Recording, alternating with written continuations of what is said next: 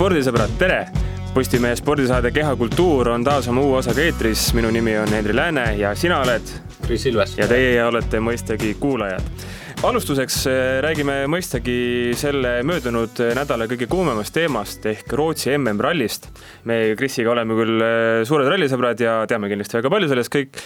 sellest kõigest, aga Mikko Niinemäe on endine rallisõitja, kes teab eh, rohkem kui meie kahe peale kokku, nii et eh, mõtlesime, et kutsume, kutsume Mikko eetrisse ja mis seal ikka, lasemegi selle intervjuu kohe eetrisse ja pärast seda jätkame juba aktuaalsemate teemadega. Mikko, no Rootsi ralli on teemaks ja alustame esmalt eh, sellisest lihtsast küsimusest, kas see ralli oleks sinu hinnangul hinnangul pidanud toimuma, sellepärast et kui nii enne kui ka pärast võistlust lugeda mõne, mõne sõitja ja kaardilugeja kommentaare, siis äh, ütleme väga, väga positiivsed need just selle ralli osas ei ole. sõitja vaatevinklist äh, võin öelda, ise oleks tahtnud kindlasti sõita, aga aga kui peaks igapäevaselt äh, siiani võistlema, siis ma arvan, et ei, aga aga FIA vaatevinklist kindlasti pidi toimuma, et ma saan aru, miks see otsus tehti, et see ralli toimus sellisel viisil, nagu ta toimus aga kas anda täispunktid sellise pooliku ralli eest, see oli muidugi niisugune kahtlane osa. minul ja paljudel rallihuvilistel tekkis äh, kahtlemata küsimus, et äh, kui see juba oli selline kruusaralli, siis äh, miks peavad osalevad, osalejad seal sõitma piikrehvidega? lihtne vastus, et see on nüüd täiesti maailma, siis FIA Maailma Autospordiliidu regle-, reglementides kirjas, et kui on tegemist talveralliga, siis on äh, ainult üks variant rehvideks. Äh, see on juba nii tarne pärast äh, on üks asi, miks ta pidi piikidega toimuma. teiseks, mida ka otseülekandes sai korra mainitud, et kui sa satud kruusarehviga sellise jäise või lumise osa peale, siis pidamine on null. et turvalisuse aspektist samuti igal juhul tuli sõita piikrehviga. sellist otsust teha FIA poolt äh, jooksu pealt, et asendame selle kruusarallina, ei tehta mitte kunagi. aga kas selles, et näiteks, et see ralli üldse peeti, kas mõnes mõttes võib, võib selle põhjuseks olla ka see, et see Tšiili ära jääb, et ja, ja, põhiliselt seda ma peangi mm. silmas ka, et miks FIA pidi selle otsuse tegema, et see ralli toimub, et jätta hooajal ära kaks rallit on juba päris palju ikka. ja see oleks siis omakorda olnud ka viimasest äh, neljast äh, rallist oleks jäänud, ei, viimasest kolmest oleks kaks ära jäänud, kui me oleks Austraaliaga siis äh, arvestanud. jaa, et see on jah, sellele sarjale ikkagi suhteliselt kehva, et äh, arvestame, et äh, sari oma nii-öelda teleõiguste müügiga, WRC plussi müügiga, igast muude nii-öelda lisaväärtuste müügiga, fänninännid, meeskonnanänn, mida müüakse ja nii edasi, et see on kõva nagu käive, mida seal tehakse et see kaotus oleks olnud äh, massiivne. no olen isegi sokke ostnud äh,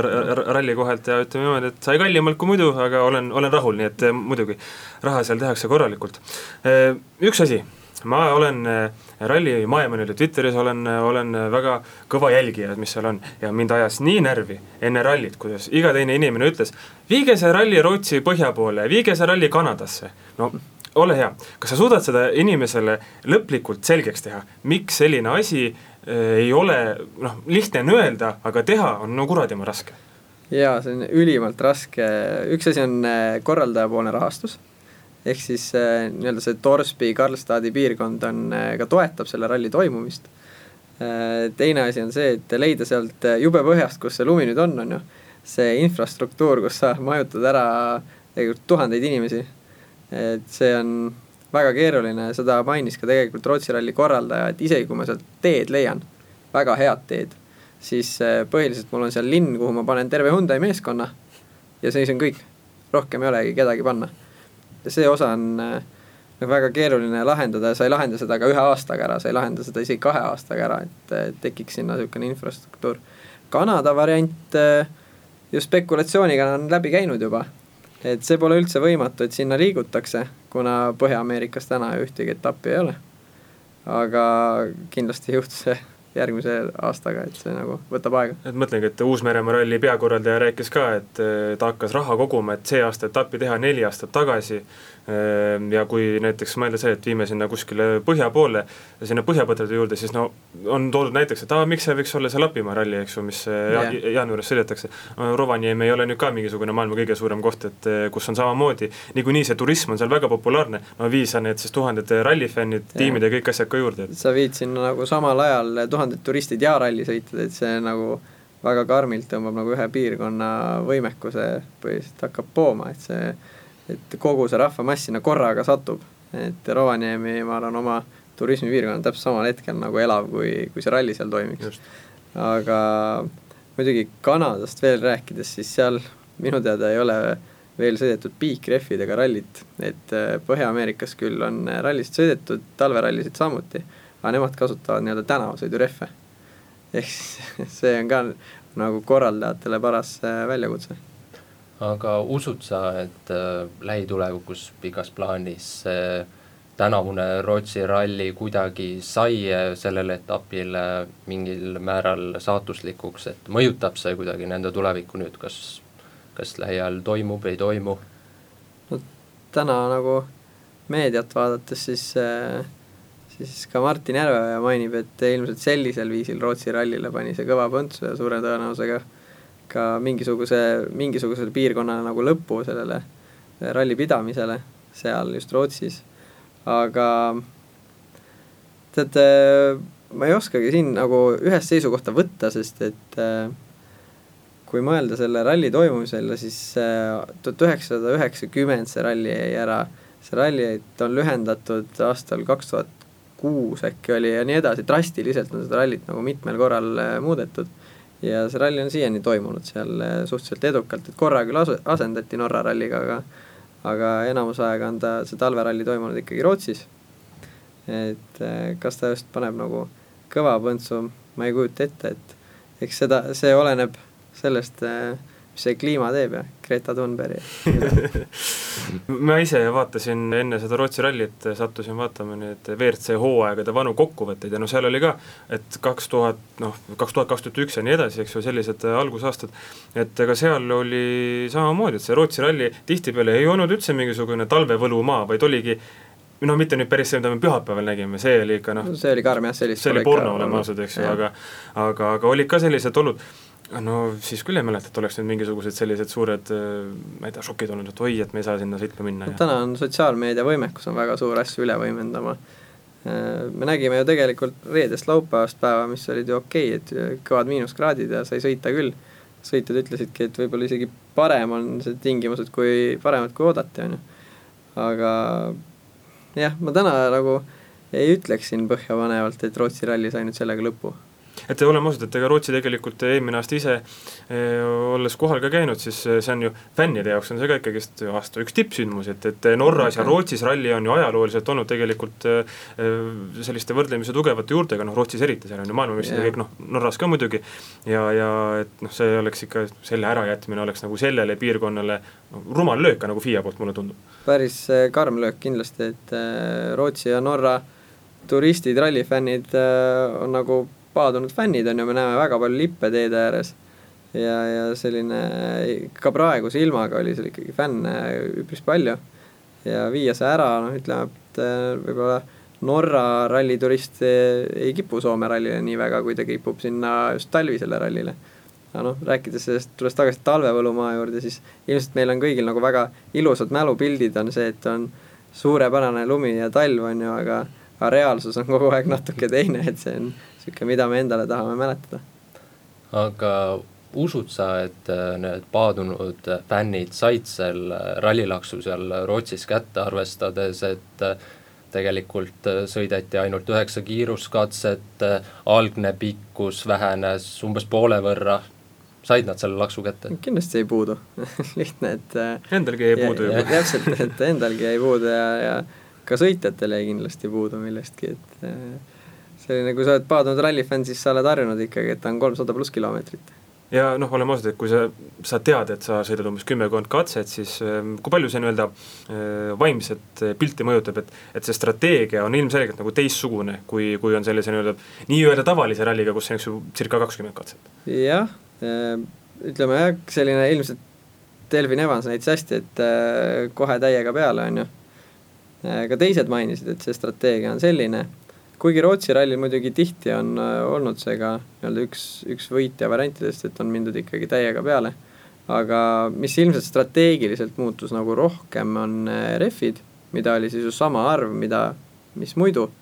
et seda kogust ei vähendatud, ehk siis äh, kui räägiti rehvide nagu suurest kulumisest, siis tegelikult oli sõitjatel ju kogu aeg uusi võtta, nii kui oli servis, servispaus, et et vana strateegiliselt võib-olla muutuski see, et äh, jälgiti väga palju ilmateadet ja, ja valiti uusi rehve ja muud, muud midagi. aga kui rohkem sellel äh, nii-öelda õnnetul Rootsi rallil ei peatuks äh, just nende tingimuste poolest, siis läheks edasi meeste juurde, kes seal sõitsid. alustame meie enda poisist, mehest, Saare mehest Ott Tänak ta tegi selle karmi avarii Monte Carlos, olid küsimärgid õhus, kuigi kõik arvasid, et ei ole midagi, ei mõju see kuidagi talle halvasti, nüüd eile ta andis ralliportaalile Dirtfish andis intervjuu, kus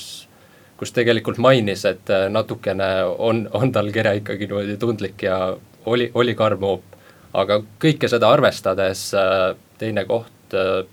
ideaali lähedane. jaa, väga hästi, et äh Äh, see, et Otil kere valus oli, oli ilmselt äh, oodata, et äh, olles ise okei okay,, mitte nii kõva avariid teinud, aga ikkagi no see oli päris kõva, mis sul oli. ikka paar päris, päris korralikku avariid, siis äh, ega see niisugune keha valutamine kuskile kiirelt ei kao, et see oli nagu oodata, aga mulle meeldis Oti nagu enda niisugune äh, lihtne lause, et teades minu minevikku, ei tohiks siin mingit küsimust olla. et äh, väga hästi võttis kokku selle olukorra, mina ei muretsenud absoluutselt, et nad ei suuda Martiniga äh, kuidagi keskenduda või, või sajaprotsendiliselt pühenduda. et äh, mulle nagu jäi ikkagi jah, positiivne mulje sellest tulemusest, aga samas ma ei kahelnud ka, et nad suuda, ei suudaks poodiumi peal nüüd sõita. Ja eks äh, noh, nagu sa mainisid seda lauset, et mis Ott ütles, et minu minevikku teades ei ole siin midagi hullu, ma ise, ise kui ma seda lauset lugesin, mõtlesin selle peale, et kui oli see Mehhiko, kui nad järve sõitsid, minu arust see nagu õudsem võib-olla isegi natukene, et, et okei okay,, see Monte Carlos, see kiirus oli oluliselt suurem, eks ju, ja niimoodi, aga noh, kui sa ikka tead kindlalt, et sa nüüd lähed vette ja sealt on vaja kiiresti ju tegutseda, et, et, et välja saada, siis no.. jah, no see, no Mehhiko juures nagu oli kindlasti kõige hullem see, et eh, meestel puudus omavahel nagu see side selleks, kui auto nagu uppuma hakkas, et see nagu palju kehvem variant, kui sa ei kuule teist inimest, et eh, Montes ju nii selle Martin Järve natuke isegi rääkis siis, kui eh, auto veel tiire tegi, et selles mõttes oli nagu kõik klaarim. Ja noh, okei okay,, Ott Utiks kõik väga hästi, viis pluss, teeme pai ja, ja sooja aplausi, no Elvin Evansile anname ovatsioone, sellepärast et see, mis ta tegi, oli, eks ju, oli, oli vägev kas sina peaksid e-, Evansit nüüd selliseks tiitli pretendendiks, ma ise näiteks arvan, et ootame natukene kruusarallit ka ära, et okei okay,, me teame, et kruusal ja asfaldil Evans on, on tegelikult hea, aga, aga noh, kaks rallit veel, ei taha nagu nii nii-öelda põhjapanevaid äh, järeldusi teha. no naljaga pooleks, üks kruusaralli on nüüd selja taga. Seda küll. Äh, no Evansi poolt minul on väga hea meel, et ta nii-öelda tahab tekitada juba sellist nelja mehe tiitlivõitlust äh, ja võib-olla ma isegi natuke arvan, et ta suudab sinna tiitliehitusesse sekkuda. tegelikult ju Fordiga eelmine aasta näitas head kiirust, pidi mingid rallid vahele jätma. Äh, tegi paar avariid, ütleme päris palju oli nagu ebaõnne. Äh, ja tegelikult hoog oli hea. nähes seda, kui kindlalt ta täna või kui kiirelt see kindlus tal Toyotas on tekkinud, siis äh, väga palju isegi tahaks kahelda, et ta ei saa kruusal hakkama sest ta on ikkagi Walesi mees. Äh, Walesi mehel eri, nii-öelda vahelduvad olud on tuttavad. ja ei tohiks midagi nagu erilist olla, et mul oleks väga hea meel näha ja see oleks kogu sarjale äh, ideaalne, kui tiitliheitlus on juba nelja mehe vahel, mitte kolme mehe vahel. ja eriti veel kohast, mis on olnud ralli kants, sest et Suurbritannia noh, sealt on, on tulnud aja jooksul väga palju edukaid, edukaid sõitjaid, aga eh, Mäkinen, Tommy Mäkinen, Toyota pealik ütles Evansi kohta ühe sellise vahva lause, et ta ei ole autot pidanud kordagi seadistama nagu ümber selle Rootsi ralli jooksul. on see jah. nagu väga selline märkimisväärne, sest mina ei ole varem küll kuulnud, alati öeldakse, no nipet-näpet midagi ma ikka tahan teha jah, ütleme, et natuke isegi on üllatav, et eh, tihti just näiteks kui on autol, kui on ühel katsel kaks läbimist, siis midagi natuke muudetakse, et tead, et teeolud on halvemad või eh, või õppisid midagi, et eh, selle kruusa peal sõitmine oli natuke erinev autoga versus testil käimine. aga et Evans jah, testil, testides pani auto paika, ütles, et ta on sellega rahul. et ju siis oli niisugune kindlus, kindlus nii Toyotas kui iseendas et äh, eks seda teab ta vaid ise ja tema insener ilmselt, kas tõesti mitte midagi ei muudetud, aga aga mulje selles suhtes hea ja näitab jälle, kui kindlalt ennast seda roolis tunneb. Mäkinen ütles veel seda ka, et äh, vaatan üheks meelest ära, rääkis järjest, ah, tule meelde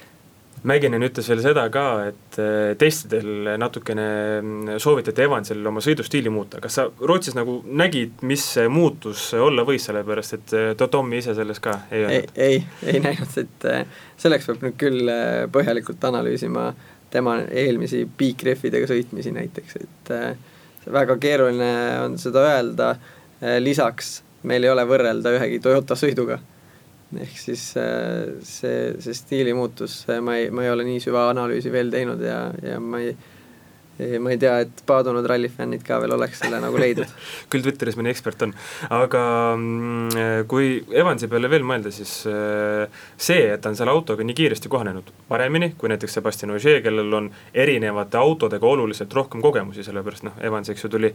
tuli M-spordis, kus ta ma ei tea, kuus, viis, viis aastat vist sõitis, et äh, on seegi nagu vähe selline üllatav, et, et Ogier'ga võrreldes on ta, on ta selle auto vähemalt näiliselt oluliselt paremini käppa saanud kusjuures ei ole, et äh, teades Evansi nii-öelda tehnilisi oskusi ja nii-öelda taibukust, mida ralliautoga teha, äh, siis äh, see, et ta nagu suudab auto enda jaoks käima panna või seadesse panna kiiresti, ei ole väga üllatav. et ka Fordi ju arendamisel oli tema seal juures, ehk siis see kogemus on tal väga suur all, et põhiliselt nullist alustada auto seadistamist et selles suhtes äh, ma otseselt ei, ei oleks kahelnud, kas just, äh, kas just nii hästi, et ta on äh, Ogierist parem selle kohanemisega, võib-olla ei arvanud jah, et pigem, et umbes sama tempoga hakkavad algul minema. et võib-olla kõige suurem üllataja selle juures on Kalle Roompere üldse noh, tegelikult kõik, kes nüüd Toyotasse on läinud, uued mehed on, on ju väga hästi kohanenud okei okay,, Monte Carlo, Monte Carloks, aga kas siin võib mängida mingisugust rolli see, et noh, Rootsi oli seekord teistsugune ralli, aga ikkagi kiire ralli, mis on üldjuhul Toyotadele sobinud? võimalik jah, et mingi, mingi seos seal on, et eks me nüüd järgmisel ralli Mehhikos näeme, et Mehhiko ei ole nagu kõige parem olnud Toyotade jaoks ajalooliselt, et aga nad on kindlasti ka õppinud midagi sellest aga tulles jah, veel, veel korra tagasi Kalle Roompere juurde, siis, siis tema see eh, kohanemine samuti saab olema ka tegelikult kruusarallidel rohkem näha, et küsite Evansi kohta, et ootame kruusarallid ära, siis eh, Kalle koha pealt on see, see küsimus nagu rohkem õhus, et eh, teada oli, et tegemist on kiire mehega, aga et nii kiirega? aga, aga et nii kiiresti see tuleb, oli isegi natuke üllatav, et kuigi Äh, mina julgesin äh, juba Rootsi ralliks teda, teda poodiumile ennustada, aga et see tõesti ka täide läks, see oli, see oli hämmastav. Ja kui mõtleme ka üldse nagu Toyotade peale, siis eelmine aasta oli ju see, läks selline suur arutelu pihta, kas Toyota on, on siis see kõige kiirem või mitte. Tänak ütles väga hästi, et noh, vaadake Miiki ja Latvalat, et neil, neil nii kiiresti ei lähe nagu mul, aga nüüd tundub jällegist, et okei okay,, noh, Ogier, Evans, need kõik on tipppiloodid ka, Roomepere rallimaailma kõige suurem talent aga ei saa ju keegi midagi vastu öelda, et see Toyota on tõesti lihtsalt väga, väga, väga hea auto. vot mul puudub endal võrdlusmoment, et pole ma Toyota WRC-ga sõitnud ega, ega Hyundai'ga. aga M-spordiga oled? ei ole ka, et, et äh, see on selline veider osa, et alati öeldakse, et see on kõige kiirem auto, mis võidab. et mulle meeldis tegelikult Tommy Mäkineni välja öeldu, et ütles, meil on meeskonnana koos ülihea komplekt ja see jäi mul juba varem tegelikult silma, et neil on ülisuure kogemusega mees, kes on kuuekordne maailmameister. Neil on selline tipu lähedal olev mees, kes on Evans ja siis on noor, ehk siis kõik on üksteisele kuidagi nagu mingite astmete peal. ja ma arvan, et see seal meeskonnas toimib, mis täna nagu Rootsist oli näha ka absoluutselt, Romperat paar korda mainitud, no minu arust see Rompera kiirus on, on seda nagu märgilisem, et kui me võtame Takamoto Katsuta, kellel on paar rallit WRC autoga rohkem, no sealt ei tundu, et nagu üldse mingisugust pauku tuleks, okei okay,, rumal on võrrelda Takamotot ja, ja kes on vormeli taustaga, eks ju, ja rallit vist mingi viis, viis või neli aastat sõitnud, võrreldes Kallega, kes oli kaheksa-aastane, pani seal kuskil Just. seal Jyväsküla vahel Subaruga, eks ju, aga, aga ikkagi see on nagu nii märkimisväärne nagu vahe nende kahe mehe vahel. jah, no ütleme, et eh, rallisõidus on hästi suur osa kogemusel ja see kogemust hakatakse võtma kõikidest kilomeetritest, mis sa ralliautoga läbid, mitte WRC autoga, vaid vaid esiveolise autoga, Ervis autoga, mis iganes rahvusliku autoga. Eh, Kallel on neid kilomeetreid eh,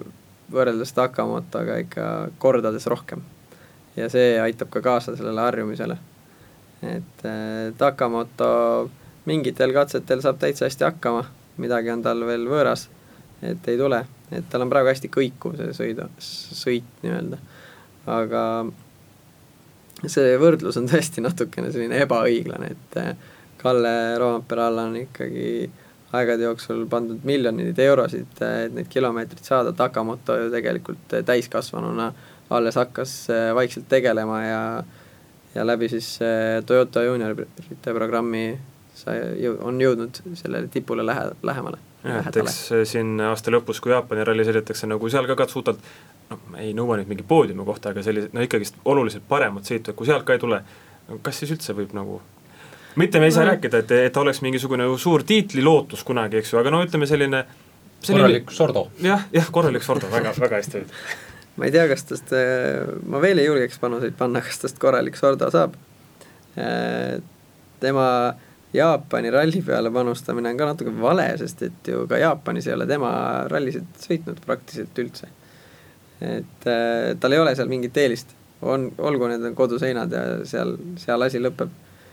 et äh, Jaapani ralli on kõigi jaoks uus ja ka Takamoto jaoks. miks ta seal täna sõidab, on äh, suure tõenäosusega seotud sellega, et äh, Jaapani meeskond soovib Jaapani meest sõitmas näha Äh, üks asi on marketing ja teiseks äh, on see ka mingisugune nii-öelda sihuke äh, nats-, sihuke rahvuslik uhkus, rahvuslik uhkus täpselt mm, -hmm. jah Kalle puhul mainisid ka, et, et eh, tema selline karjääri on nagu pumbatud juba praegu miljoneid eurosid, mees on üheksateistaastane, eks ju. Eh, mis minu jaoks tema nagu karjääri arenguredelil on üks kõige võib-olla selline õigem samm, mis on tehtud, on see, et Kallet on ju pandud sõitma igasugusel, igasugusel teepinnal. et ta käis, käis sõitmas ju ka neid Itaalia meistrivõistluste etappe asfaldil puhtalt sellepärast, et seda kogemust saada. no ütleme, et sellist kogemust, sellist võimalust eh, tahaks iga noor võidusõitja et sõita R5 autoga etappe kaasa lihtsalt kogemuse jaoks äh, maksab üüratult palju, see on äh, selline nelikümmend kuni sada kakskümmend tuhat eurot per ralli. see on, need on väga karmid summad. et Kallel see võimalus oli, on rallimaailmal täna ülihea, et see oli, et tema on seal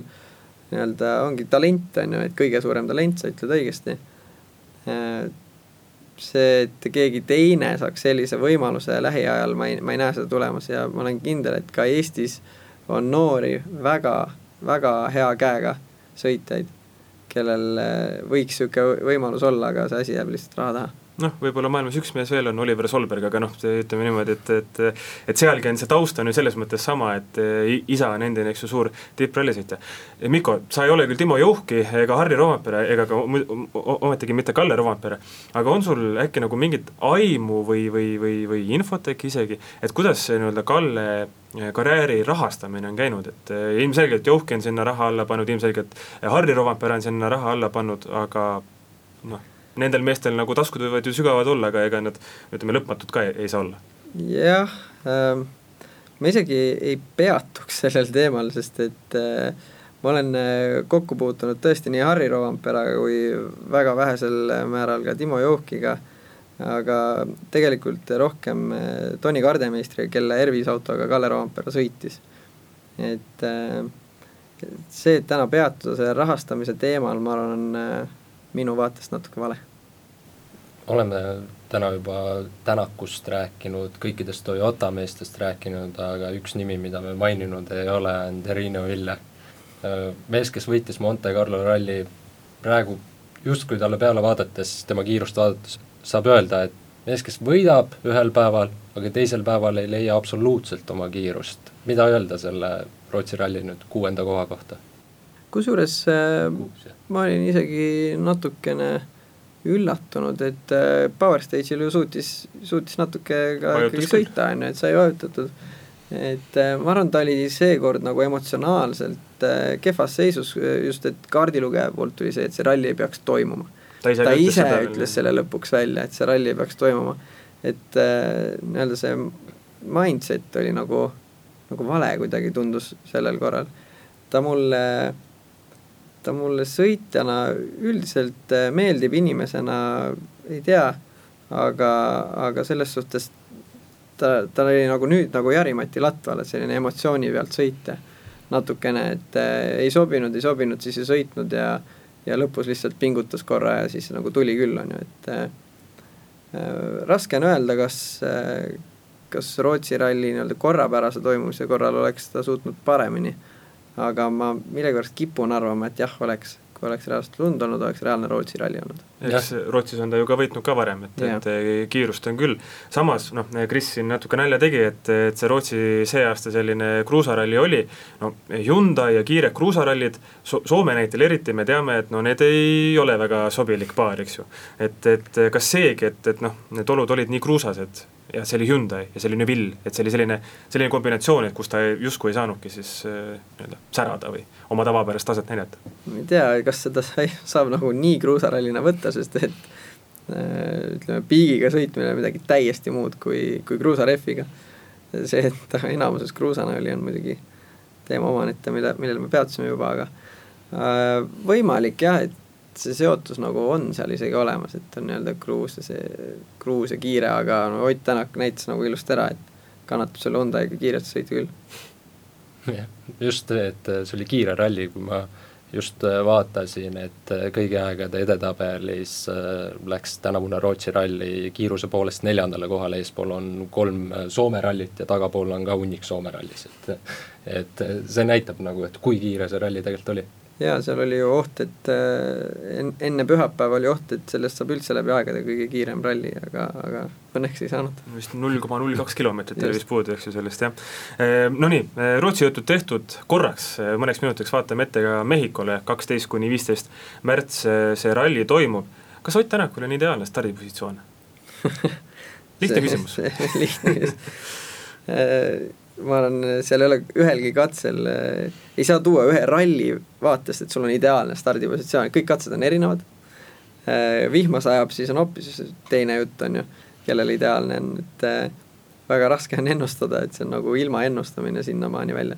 ja ega tegelikult eh, Mehhiko on ju varasemalt olnud selline koht, kus sõitjad, kes alustavad no ütleme esimese, teisena, teevad väga hea tulemuse. Eh, jõuab poodiumile vist Ogier, kui ma ei eksi, üks aasta, eh, kaks tuhat kaheksateist äkki, kui Citroen või tähendab, M-spordiga oli, vist isegi võitis selle, kui esimesena alustas, et, et see Mehhiko selles mõttes, et noh, räägitakse küll, et see on esimesena alustades üks kõige hullemaid rallisid, aga ometigi normaalseid tulemusi võib sõita küll. jah, vaata ka esimesena peab startima ainult esimesel päeval, on ju, täispikal päeval, et kui sul õnnestub eh, esimene täispikk päev üle elada sellisel raskel kruusarallil, siis ju järgmisel päeval stardid sa juba neljanda, kolmandana, mitte väga suure vahega eh, liidrile ja täiesti reaalne on ju, annab sõita jah, et mm. siis on võimalik juba kaks päeva näiteks tagapool startida, on juba päris hea jah, ma arvan, et väga palju Mehhikost äh, vist ei ole rääkida, ma puudutaksin korra ka M-spordi teemat, et äh, nad olid nii Monte Carlos hädas, kus äh, tegelikult said korralikud lehed said saatuslikuks. jah, aga said ka oma korralikud punktid said kätte ja millegipärast ei leidnud ka siin Rootsis kiirust. on nüüd lootust, näed sa et, et Mehhiko kruusal võib see kiirus tulla või, või oskad sa üldse öelda, milles võib see probleem olla? Vot ei oska, kui oskaks, ilmselt ma oleks juba M-spordi palgal. Aga, aga äh, mul on tihti nagu silma jäänud, et sellistes äh, eriti rasketes oludes on M-spordi autod üldiselt head. ehk siis sellises natuke, kas on ülikuum või on äh, hästi kõva talv, siis on olnud M-spordi autod head. See, mis Montes juhtus, noh, kahju, aga tõesti noh, et lehed nagu riisuti ette sinna, et päris selline mulle väga meeldis sotsiaalmeedias üks, üks kihv oli väike video, kus kass kõndis lehte, lehehunniku sees ja siis öeldi, et näe, et see oli M-Sport Monte Carlos oli enam-vähem samasugune. Jaa, et äh, Mehhikos ma tegelikult loodan, et nende, nende tulemused paranevad, sest rallimaailma jaoks on ju hea, mida rohkem äh, mehi tiib, nii-öelda ees on, eesotsas. Ja, mõeldes äh, nagu edasise hooaja peal, siis äh, äkki Teemu Suninen leiab ka ikkagi üles ennast uuesti, et äh, elas siin äh, ehmatava olukorra üle Rootsi testikatsel äh,. seal Montes, ma saan aru, mõlemal mehel oli mott maas põhiliselt juba neljapäeva õhtust, aga, aga oleks aeg ka Teemul tegelikult võtta nagu ohjad ja, ja need rallid sõita kiiresti, kus, kus tal on kogemus kõva all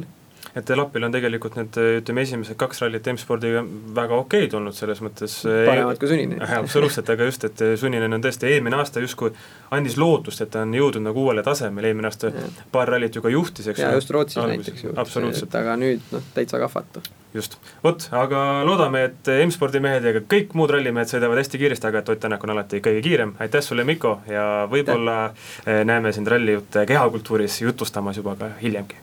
aitäh! aitäh! Nagu lubatud sai, siis pärast eh, intervjuud Mikoga jätkame aktuaalsete teemadega ja võtamegi ette sellise eh, võistluse, sellise sündmuse, mis, eh, kus ütleme, eestlased küll nii kõrges mängus ei ole, kui, kui tahaks loota, medalite peale nad ei võistle, aga Eestis on see ometigi äärmiselt populaarne ja tegemist on mõistagi laskesuusatamise MM-iga, mis Itaalias Anterselvas toimub. Ehm, jah, tegelikult kui, kui tahaks rääkida eestlaste headest tulemustest, siis paraku ei saa sel aastal nendest rääkida, on olnud mõningaid üksikuid õnnestumisi, mis, mis võib kordaläinuks lugeda, aga suures plaanis mulle vähemalt on see mm pakub rohkem huvi, mis maailma tipp teeb, kuidas sul? Jaa, absoluutselt äh, sama värk, et äh, kui mõtleme sellele pühapäevasele meeste jälitussõidule, kuidas Johannes Tingnes-Pöö ja Emilian Jacquelin, Lauri Leisi, tervist, loodetavasti see prantsuse äh, hääldus oli kõik õige, et kuidas nemad etendasid sellist, seda lõpuringi ja kuidas võeti sealt meelega kiirust maha, kuidas ei ta-, ei tahetud juhtida ja, ja mismoodi see üldse kõik lõppes. et eestlaste, noh, Regina Oja, Johanna Talihärma, väga korralikud sprindid, need on ju hooaja parimad tulemused olid, olid nende jaoks jaoks individuaalses mõttes, siis no see, need olid kindlasti tulemused, mida, mille üle ju peab rõõmus olema, mida, mille üle peab kiitma neid sportlasi. aga no tead, kui seal tipus tehakse ikka sellist pulli, siis äh, vabandust väga, aga see on, on niivõrd vaatemänguline, et et, et võtab tõesti selle tähelepanu nagu endale. aga mõned teemad on ka seal Anterselvas olnud, mis, mis on äh, ikkagi rohkem nii-öelda esile kerkinud ja ja võib-olla võtaks selle kõige suurema üllatuse alustuseks, et äh, meeste sprint ja Aleksandr Loginovi võit MK-sarjas, venelane oli kuuendal kohal, noh nüüd, nüüd siis järsku kuu ajaga suusakiirus äh, läks minuti võrra paremaks, tuli võit ja kohe hakkasid need jutud pihta, et ai, aga see mees on ju dopingumees ja kuidas see kõik võimalik on ja kõik on halvasti. jah, kust need jutud tulevad ikkagi põhimõtteliselt? ikkagi skandinaavlaste käest, kes on alati väga puhtad. jah, võib-olla nendel mingid road lubatud, meie ei tea, aga aga jah, Loginovi teema on, on üleval olnud seal MM-il äh, räägime kiirelt lahti ka, siis äh, mees sai kahe tuhande neljateistkümnendal aastal, kui ma ei eksi, peaks olema jah, äh, sai äh, EPO tarvitamise eest kaheaastase võistluskeelu, kandis selle ära, tuli tagasi, juba eelmisel aastal MM-il sai ta ühe kindlasti, võib-olla sai isegi kaks medalit. igatahes sel hooajal, nagu Johannes Tingnes-Pöö ütles, tuli see veidi ootamatult tema jaoks Loginov ei olnud head suusakiirust näidanud, aga nüüd MM-il nagu välk selgest taevast, suusatas kiiresti, lasi täpselt ja sprindis see kuld tuli. Just, et see suusakiiruse selline piltlikult öeldes nagu üleöine paranemine ongi, ongi see, mis, mis kõige rohkem nagu imeks paneb, et ma saan aru, et noh, MM-iks ikka valmistud, eks ju, kuidagi eriliselt ja, ja rohkem ja kõik, aga et ta tõesti kuu ajaga nagu minuti võrra kiiremaks läheb, ei tundu kuidagi loogiline, samas kui kas või eilset seda jälitussõitu vaadata, kus Logunov sai pronksi, siis isegi sellest suusasõidust, ma arvan, märkimisväärsem oli, oli tema laskmine, et esiteks, kuidas ta on nagu natuke meenutab, natuke meenutab Dorothea Viilerit, et selline mm, väga kiiresti laseb ka väga täpselt, noh, eile mitte piisavalt täpselt, et võita, aga, aga ikkagi. ja noh, muidugi see skandinaavlaste kisa selle kõige peale, no see on, minu jaoks on see nagu kummaline natukene, et Sebastian Samuelson, rootslane, kes on ju ka alati olnud väga selline noh, antidopingu mees selles mõttes väga-väga nende dopingupatuste vastane, siis noh, mees on pärit riigist, kus ometigi on vist viimase paari nädalaga on kaks, kaks sellist väga heal tasemel sportlast vahele jäänud dopinguga, et ma arvan, et tasuks nagu rahulikumalt võtta ja, ja nagu siin maailmameedias ka mõned asjad rääkisid, et et noh, okei okay,, jah, oli dopingumees, no mis, mis, mis siis teha, et sai karistada, ilusti kandis oma karistuse ära, lähme edasi, keskenduma võistlustele, mitte sellele, mis oli kunagi. jah, mulle kui see sprint lõppes, ma ootasin huviga autasustamist, teadupärast Martin Fourcade sai kolmanda koha ja ma ootasin, kas, kas need mehed suruvad kätt või mitte, aga ma ei tea, kas see oli režissööri teadlik valik, aga lõputseremoonial seda ei näidatud, näidati hulluvat publikut seal aga see selleks, lähme edasi laskesuusatamisega, sellepärast tänavusel MM-il on veel palju huvitavat juhtunud, mis sulle järgmisena meelde tuleb, kui see Loginovi ja prantslaste, norralaste edu välja jätta? ütleks naiste sprint, sellepärast et kui Mart Olsbu-Röiseland finišisse jõudis, olin samal ajal jõusaalis, kõik ikkagist me oleme ju kehakultuurlased, me ei saa ju midagi muud teha. olin trennis, vaatasin võistlust, Röiseland jõudis finišisse, tundus üsna selge, et noh, võitja on selge. Äh, oligi lõppude lõpuks, aga küll ei osanud seda et, oodata, et need hõbe, et hõbe ja pronksmedalid siis kuidagi teistmoodi nagu lahenevad ja, ja hiljem sõitu järele vaadates ja uudiseid lugedes, nähes, et poodiumile jõudsid ka Susan Tankli ja Lucia Šarvatova vist ja. oli see nimi, kui ma ei eksi, eh, siis ikkagist eh, kulm kerkis päris kõrgele selle üllatuse raames ja, ja hiljem veel vaadata, kuidas Tankli, noh, see kolmsada meetrit, no oi jeerum, kui raske see oli ja muidugi oli ka jälitussõidus näha, et noh, see sprint, sprindis ta andis endast ikka suusarajal no nii, nii, nii, nii palju, et seal jälitussõidus Susan seda Tanklit põhimõtteliselt nagu olemas ei olnudki. jah, kolmanda koha saanud Lucy Šarvatova see ei olnud Tšehhi esimene medal sellel MM-il, sellepärast et segateatesõidus äh, tulid ka pronksile, jah? jah, äh, nende nelik. aga kui rääkida tänavuse MM-i kõige suuremast õnnestujast, siis siin ei ole küsimustki, see peaks olema Mart Olsbu-Röiseland. kaks kulda segateatesõidus Norra koondisega ja naiste sprindis ning äh, nüüd eilses jälitussõidus ka pronks ja, ja eriti kui noh, kui see naiste sprindi peale jällegist järele vaadata, siis see, mida Tiri Lekhoff ja Ingrid Landmark Tandrevolt tegid, et see oli nagu selle skaala nii teine ots, kui üldse olla said, eks, et eh, nibin-nabin sinna jälitussõitu pääseti tiirudes noh, sama hästi oleks võinud kohe nendele,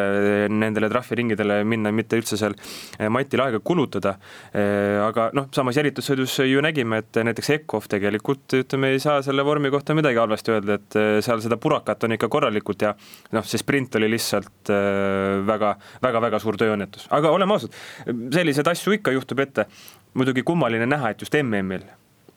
midagi sellist juhtus ja, ja, ja kui mõtleme ka meeste poole peale, siis noh, tegelikult oleks võinud ju mõelda, et Johannes Tingnes-Pöö teeb seda, mida tahab MM-il, aga ei ole ab absoluutselt niimoodi läinud, hoopis vastupidi, et eh, okei okay.. on õnnestumisi olnud. on aga... õnnestumisi olnud, aga ikkagist eeldaks ju, igale sõidule läheb ju, Pöö läheb eh, selle kullasoosikuna number üks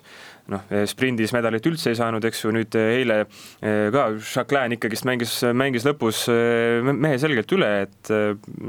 noh, norralaste see algus, mm, nii-öelda nende suurte nimede algus on olnud ikkagist noh, ma ütleks mit, mit, mit, mitte kahvatu, no ECOF-i puhul kindlasti kahvatu või, või isegi väga kehv, aga, aga ka Pöö osas ma julgeks öelda tegelikult neid tulemusi vaadates, et kindlasti mees ise ei ole sellega rõõmus jah, kui tõmbame selle laskesuusatamisel joone alla, siis äh, tegelikult eile üks itaallanna sai kodupubliku rõkkama, Dorothea Viirer võitis oma karjääri teise kuldmedali ja siin MM-il esimese. Milliseid tundeid see sinus tekitas, oli see kuidagi oodatud, üllatav, startis ta jälitussõidus äh, seitsmendalt kohalt? jaa, et eks see ole ju teada, et nii-öelda nende tippude osas mõeldes on Viirer on ju selline väga, väga mitmekülgne, et ta on ju noh, nüüd on ka, eks ju, MK-sarja üldliider taas Eckhoffist mööda tõusnud, et aga see ei ole nüüd kuidagi niimoodi tulnud, et ta enam-vähem igal võistlusel on kuskil, võidab või niimoodi, et pigem ongi see stabiilsus see, mis, mis, mis edu toob ja, ja noh ei, väga tore, Viire tundub igati tore inimene olevat, kõik see MM-eelne jutt, et kuidas endine treener Patrick Obereger norralaste poole hüppas ja ja kuidas ta sellest aru ei saa, see oli šokk, see oli halastamatu otsus, käitumine, kõik see, et need vanad teemad nagu toodi ülesse, aga tundub, et Viireril endal on sellest, on täiesti kama kaks ja noh, siin see näitab ainult seda, et naise, naise siis selline vaimne seisund on, on lihtsalt nii hea. ja samamoodi on ka nüüd äh, esile toodud äh, väidetav tüli koondisekaaslase Liisa Vitotsiga, väidetavalt äh, nemad, nemad enam-vähem, enam sõbrad ei ole, vaid, vaid lihtsalt koondisekaaslased, see on siis äh, eelmistelt võistlustelt kaasa tulnud nii-öelda erimeelsused. Aga eks seegi on tippspordis lahutamatu osa, et minu arust Viirel ütles väga hästi, mäleta, mis see NRK äkki või, või mis iganes see väljaanne oli, aga aga tsitaat oli enam-vähem selline, et, et või oli see Vitotsi, kes ütles, et et me ei peagi olema ju parimad sõbrad, et me austame teineteist, toetame teineteist ja see ongi kõik, mida on vaja, et mulle meeldib alati meenutada seda, kuidas Cleveland Cavaliersis kunagi korvpalliliigas NBA Lebron James ja Kevin Love mängisid koos. ja seal oli sama, et äh, Cavsis tehti mingisuguseid meeskonnapilte, kus nad lennuki peale kuskil tagasi sõitsid, Love oli seal kas täiesti taga või teda üldse pildi peal ei olnud. noh, ütleme, Kevin Love eksisteeris justkui ainult väljakul. Äh, aga Love ütles ka selle kohta väga hästi, et ma ei peagi temaga parim sõber olema, et me oleme meeskonnakaaslased, me aitame teineteist me ei viska teineteisele kaikaid kodaratesse, aga noh, see on ka kõik ja see, see, see on ka täiesti nagu piisav, et noh, ma arvan, et neid sportlased tegelikult ju nii või naa, eriti näiteks laskesuusk, et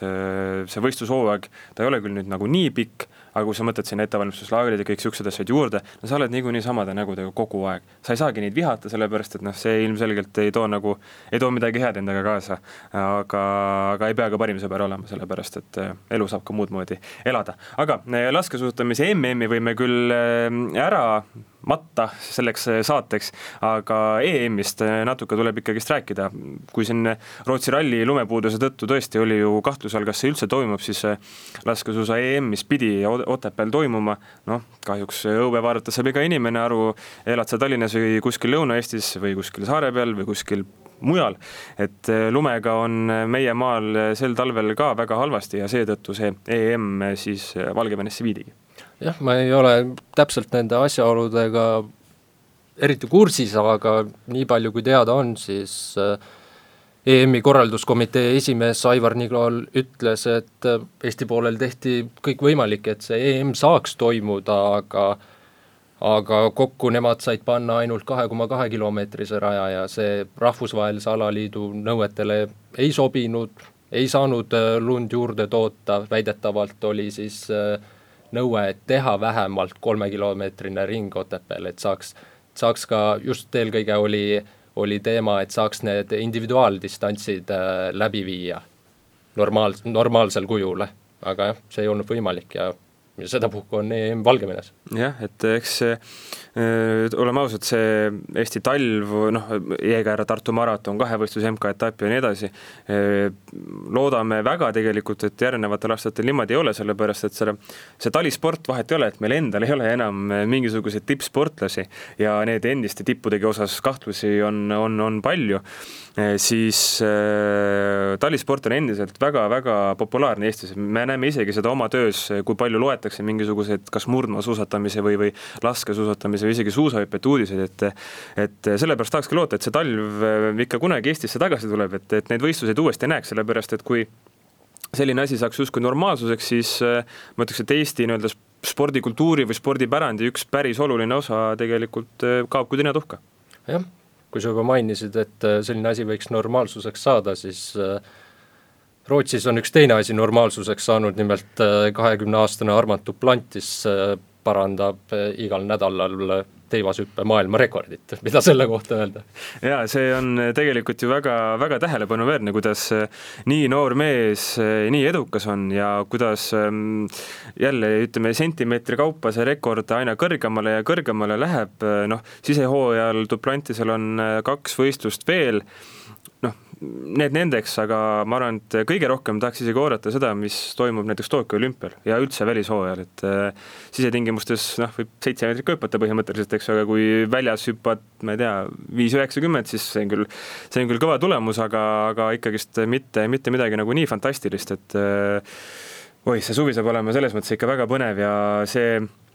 see tühimik kergejõustikus, mille Usain Bolt jättis, siis äh, on tegelikult väga, väga rõõm näha, et, et sinna on keegi asemele minemas. Jah, seda on nagu pakutud äh, paljudele sportlastele, meenub kohe esimesena Norra tõkkejooksja Karsten Warholm, kes justkui võiks selle koha endale võtta, aga eelmisel MM-il Dohas ta, ta säras, aga mitte just ülemäära palju, kuigi tegi üleüldiselt väga kõva hooaja. väga-väga kõva isegi, jah. aga, aga ei ole nagu temast seda mantlipärajat, äkki, äkki nüüd Duplantisest? jah, et ma mõtlen ka, Vaarholm ka räägiti noh, et, et selline noor mees, kellele meeldib tähistada, teeb igasuguseid, seal jookseb oma selle sarvemütsikesega, eks ju, viikingi kiivriga ringi. et selline isiksusena nagu väga, väga väljapoole elav inimene aga ei tundu küll, et nagu see mm, furoor, mis siis äh, Vaaraholmi tõesti nagu fantastilise hooaja äh, peal tekkis, oleks kuidagi võrreldav selle Duplantisega, et äh, Duplantis tõesti ta on nagu komeedina sööstnud. okei okay,, kui sa vaatad minevikku, siis see oligi tegelikult vähemalt näiliselt vaid aja küsimus, millal sellised suured tulemused sündima hakkavad, aga, aga noh, et need lõpuks juhtuvad, no see on, alati on ju lihtsam öelda, et küll need kunagi tulevad, kui siis lõppude lõpuks seda ise ära teha. just. hüppame Hispaaniasse, seal äh, võib öelda, et äh, tehti või korrati Eesti võrkpalli ajalugu, kus Saaremaa võrkpalliklubi avamängu kodus kaotanud alistas üheteistkümnekordse Hispaania meistri võõrsil kolm-üks ja kindlustas Euroopa tugevuselt kolmandas eurosarjas koha veerandfinaalis, suurepärane tulemus. siin ei saa mitte keegi vastu vaielda ja näita mulle seda inimest ja kui näitad, siis annan, annan, annan laks vastu tagumikku ka, aga mm, ma arvan, et see kaheksa hulka jõudmine on selles mõttes äh,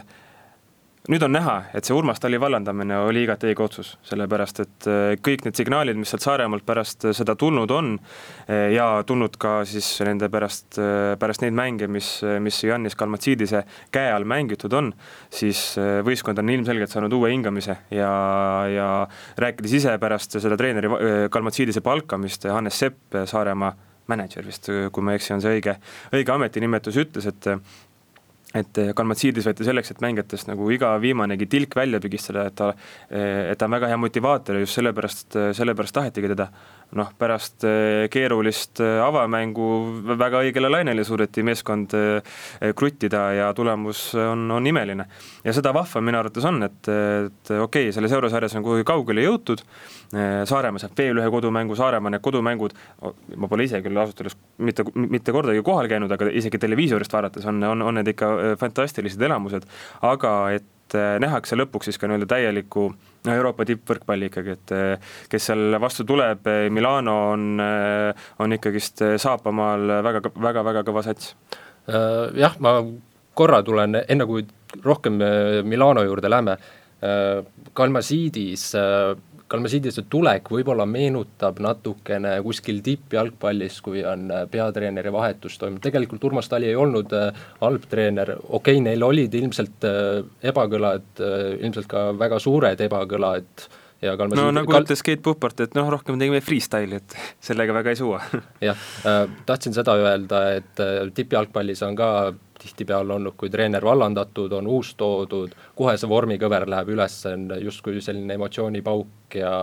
tuleb juba justkui selle pealt tulevad head tulemused. jaa, ja mõtleme näiteks äh, Manchester Unitedi peale, siis äh, Ole Gunnar Solskjaer võeti, siis oli ju samasugune asi, noh nüüd kui ametlikuks tehti, siis see vormikõver läks jälle nii-öelda allapoole, eks ju, et et ikkagi Eesti spordisõbrana hoiame pöidlad pihus, et Kalmatsiidisega läheb vähemalt selles vallas paremini, et et see vormikõver ei lähe niimoodi, ütleme, süstikuna alla. jah, ja nagu sa juba mainisid äh,, Saaremaa veerandfinaali vastane on äh, kas just äh, Itaalia tippklubi, aga no ikka väga-väga kõva klubi ja kui sa juba Itaalia liigas mängid, siis, siis seal ainult tugevad klubid ongi. Milano siis asub praegu Itaalia meistriliigas viiendal kohal ja heitleb peamiselt äh, just seal neljanda-viienda koha peale, sest esimesed kolm suured klubid on justkui oma teed vähemalt põhi, põhijooajal läinud ja tagumised, nemad, nemad ilmselt enam järgi ei jõua, selles mõttes väga tugev seal medalite nimel võitleja just, ja ikkagist eh, Saaremaa meestele selline väga korralik ehm, elamus, ütleme niimoodi, et, et sellise tippvõistkonna vastu mängida ja nagu alati, kui sa mängid tippvõistkondade vastu, see on fantastiline koht, kus silma jääda, sellepärast et eh, hea, head mängud Milano vastu võib avada nii või mõnegi ukse. aga lähme edasi jalgpalli juurde, siin eh, võrkpalli sektsioonis natukene seda tippjalgpalli sai mainitud, siis no mina ütleks niimoodi, et lõpuks ometi Euroopa Jalgpalliliit UEFA leidis munad üles ja otsustas, et finantsreegleid rikkuvaid klubisid on aeg hakata karistama rangelt kui Manchester City sai siis kolmekümne miljoni euro suuruse rahatrahvi, noh, nende jaoks on see sel-, noh, need šeigid seal ostavad hommikusööki sellise raha eest, jah. aga, aga sellest hullem on, on fakt, et City siis ei saa meistrite, või no üldse eurosarjades, UEFA sarjades siis kaks aastat osaleda, keeld hakkab siis kehtima järgmisest aastast, kui ma ei eksi. jah, järgmisest hooajast. just. minu jaoks see see City, aga tegelikult ka Pariisi Saint-Germain, no me kõik teame, Araabia naftaklubid seal naftarahadega ainult üles tõusnud ja nii edasi ja nii edasi, eh, aga tõesti, lõppude lõpuks, et eh, tehti karistus, mis ei ole nagu lihtsalt mingisugune vastu näppe löömine, vaid, eh, sest City ja BSG minu teada on ka varem karistada saanud, aga noh, need on kõik olnud sellised, sellised leebed, siis noh, see ausa mängu reegel sai nagu ju põhjusega tehtud. senimaani tundus, et noh, suurt põhjust nagu selleks ei olnud, lõpuks ometi tundub, et ikkagi on. jah, äh, kui suur hoop, äh, kui natuke laiemalt öelda, kui suur hoop see Manchester City'le või kogu Inglismaa jalgpallile on, siis esimesena tekib kohe küsimus äh, nende peatreener Peep Guardiola, kelle leping City'ga kehtib järgmise hooaja lõpuni ehk kas mehel on motivatsiooni klubis jätkata, kui tema läheks, praegu on tema teenetust huvitatud, näiteks esimesena meenub Torino Juventus, kui tema läheks, siis see, see kahtlemata oleks hoop Inglismaa jalgpallile sellisest treenerist ilma jääda. ja ei saa ka mainimata jätta, et äh, ilmselgelt äh, ei ole huvitatud ka paljud tippmängijad, kelle leping kestab veel mitu aastat äh, City's jätkama jah, et Inglismaa, Inglismaa Premier League on küll vahva, aga noh, meistrite liiga on nagu see, millest räägitakse nii tutt, et oi, et kui ma väike poiss olin, siis äh, jäin magama selle saatele, selle hümni saatele, eks ju, noh, Premier League'i, selle Kasabiani Fire'i peale ma arvan, keegi ilmselt jalgpalluritest nagu lapsena magama ei jäänud, et äh, et jah, see, kui vaadata ka sellist Inglismaa nii-öelda noh, laiemat nagu vutimeediat, siis no see on ikka naljakas, et need arvamusi on nagu seinast seina, kes nagu toetavad seda, kes on selle, selle UEFA karistuse vastu, kes ütlevad, et oi, et aga City ongi selline plastikklubi, et no mõttetu klubi, klubi, et jumal, saagu nendega, mis saab, aga mm, eks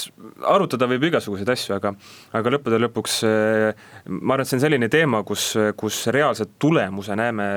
noh, näeme võib-olla isegi suvel tegelikult, et eh, kui saab, sest City ju kavatseb selle otsuse edasi kaevata sinna legendaarsesse spordiarbitraaži kohtusse noh, raha neil on, igasugused advokaadid, kes, kes nende jaoks tööle hakkavad, noh, küll sealt hakatakse üritama leidma mingisuguseid eh, konkse, et, et UEFA-le jalg taha panna ja sellest keelust nagu üle, üle astuda. aga kui see ei õnnestu, no siis on keeruline muidugi. pigem, pigem ei õnnestu, ma arvan, sest hiljuti yeah. ka AC Milan sai, sai minu teada sarnase karistuse ja ja ma küll ei tea peast öelda, kas nemad kaebasid otsuse edasi, ilmselt ikkagi kaebasid ja sinnamaani see ongi praegu jäänud. jah, et, et, et keeruline aeg nii ehk naa ja noh, ütleme meistrite liigas mittemängimine on siit oli ka rahaliselt keeruline, sellepärast et kuna UEFA on väga rikas organisatsioon ja, ja jalgpall noh, üldse muidugi on, on väga jõukas, aga aga suur klubi siis nii-öelda sellise tulubaasi suur hulk on tegelikult ka meistrite liiga, need telerahad, äh, mängud ise ja, ja nii edasi. et seegi on see, mis on neid noh, nad on niikuinii pidanud valetama või noh, nende omanikud on pidanud valetama, kust need sponsorrahad tulevad, aga see eh, meistrite liigas osalemine ja noh, enam-vähem nagu edukalt osalema, et alagruppi noh, nad ei ole ju toppama jäänud, eks ju. et,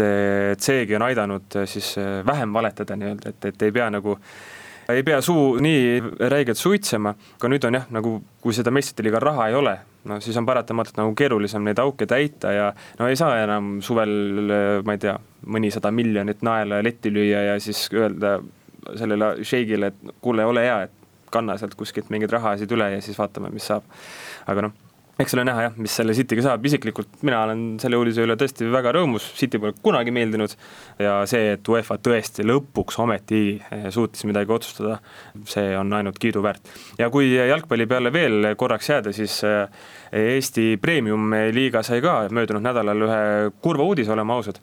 sellepärast et eh, UEFA kinnitas siis eurosarja kohtade jaotuse aastateks kaks tuhat kakskümmend üks kuni kaks tuhat neliteist. kaks tuhat kakskümmend neli. jah, just, anna andeks. ja, ja Eesti eh, meistriliiga kaotas siis ühe koha, ehk siis eh, meie riigi meistrisarja kolmas võistkond ei pääse enam automaatselt siis Euroopa liiga kvalifikatsiooniringi. noh, ütleme, Florat see ilmselt nagu nii väga ei puuduta, aga oleme, oleme ausad, Nõmme Kalju ja Levadia, kes ei ole ju ka varjanud seda fakti, et, et nemad sõltuvad väga palju nendest UEFA ja eurorahadest. no nende jaoks on see, on see selles mõttes väga, vägagi kurjakuulutav äh, seis mm. -hmm. siin tasub kohe lugejad, kuulajatele, vabandust, ära öelda, et äh, kirjamehel ikka on lugejad, aga kuulajatele tasub ära öelda, et see ei puuduta nüüd järgmist hooaega, kui praegu mullu Nõmme Kalju sai kolmanda koha, nüüd nad saavad kaks tuhat kakskümmend suvel mängivad Euroopas. jah, ja siis omakorda ülejärgmisel hooajal Eesti pronksimeeskond äh, Euroopasse asja ei ole, aga seal on see nii-öelda karikavõistluste efekt, see jääb ikkagi sisse, et selle kaudu on võimalik saada Euroopa liiga eelringi. Lähme otse jalgpalli juurest äh, korvpalli juurde, ega seal ei ole Eesti mõistes väga häid uudiseid Eesti-Läti mõistes isegi, võiks öelda. sellepärast, et Valga-Valka korvpallimeeskond teatas eelmisel neljapäeval Eesti-Läti korvpalliliiga juhatusele, et neil ei õnnestu õhtuseks mänguks Tallinna Kaleviga võistkonda kokku saada. ja ei saadudki. Valga-Valka sai null kakskümmend kaotuse ja pidi lisaks tasuma tuhat viissada eurot trahvi just, noh, ütleme see, kui see uudis nii-öelda tuli päevavalgele, et Valgas rahadega raskused on, siis korvpalliinimestega rääkides no ei teinud keegi saladust selle kohta, et noh, see ei ole mingi uudis tegelikult, et ei tulnud kellelegi üllatusena. jah, et, et see ikkagi on aastaid nagu aastaid on see rahaline seis seal selline nii ja nii ja naa olnud, aga noh, et see olukord nagu nüüd nii hulluks on ja et võib-olla siis poole, poole hooaja peal äh, kotid äh, kokku pakitakse, noh, oleme ausad, ega see, ega seda ei taha mitte keegi. Ja noh, kui Valga vallavanem Margus Lepik, kes on noh, tegelikult ajalooliselt ju selle korvpalliklubi nii-öelda vedamisega olnud, olnud seotud küll ja küll, praegu enam ei ole, nüüd on ta lihtsalt vallavanem siis äh, tema ütles ka, et, et see otsus, kas Valga vald äh, annab siis see kolmkümmend kolm tuhat eurot või mitte, et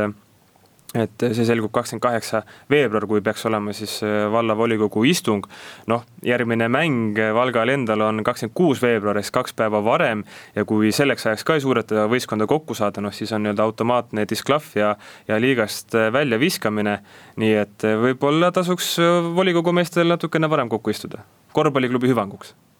jah, praegu tundub see, võiks öelda isegi ainuõige mõtlemine, et äh, tuleks varem kokku, sellepärast jah, korvpalliliidu, Eesti-Läti liiga, korvpalliliiga reglement peaks nägema ette, et kui kaks mängu järjest ei saa võistkonda kokku, siis on automaatselt äh, liigast disklahv, küll aga jääb küsimus, millele sa võib-olla oskad vastata, praegu on äh, Valga Valkal üks, üks võit all, mille nad said jaanuari keskel äh, oli Liepaja üle, kes on omakorda liigas eelviimane, et äh, mis tehakse ülejäänud mängudega? Noh, mis seal ikka, küllap jäetakse ära ja selles mõttes ma ütlen on, eelmiste tulemustega. selles mõttes on see olukord nagu hea, et kuna Valgal on ainult üks võit, et ja seegi on nagu Liepa ja, Liepa ja üle, kes tabelis nagu ei mängi mingisugust rolli, et siis tegelikult võib ju need nii-öelda eelnevad tulemused vabalt ära kustutada. mitte midagi ei juhtu, selles mõttes, et ei ole niimoodi, et nad oleks noh, palju, kõige hullem stsenaarium, ma arvan, oleks see, et kui Valga oleks selline a la play-off'i võistkond ja siis on küll küsimus, et mida me siis nüüd teeme nende asjadega. aga praegu on see olukord nagu selles mõttes äh, vähemalt lihtne, aga ikkagi äh, jällegist Eesti spordisõbrana hoia, hoiame pöidlad pihus, et, et see olukord äh, laheneb, kuna noh, ega meil seda, meie mõistes tippkorvpalli, neid klubisid, kes oleks suutelised mängima sellisel tasemel, noh, ega neid nii või naa väga ei ole. okei okay,, Valga Valka kohta võib öelda, et see tegelikult on juba pigem ju Läti klubi, kui on Eesti klubi, aga noh, ikkagi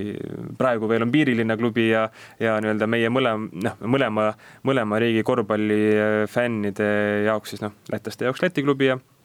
ja eestlaste jaoks nagu Eesti oma et, et jaa, hoiame pöidlad pihus, aga eh, lõpetuseks eh, mainime ära ka selle, et eh, maadleja Helari Mägisalu võitles siis pronksi matšis EM-il, aga kaotas, noh, ütleme, kui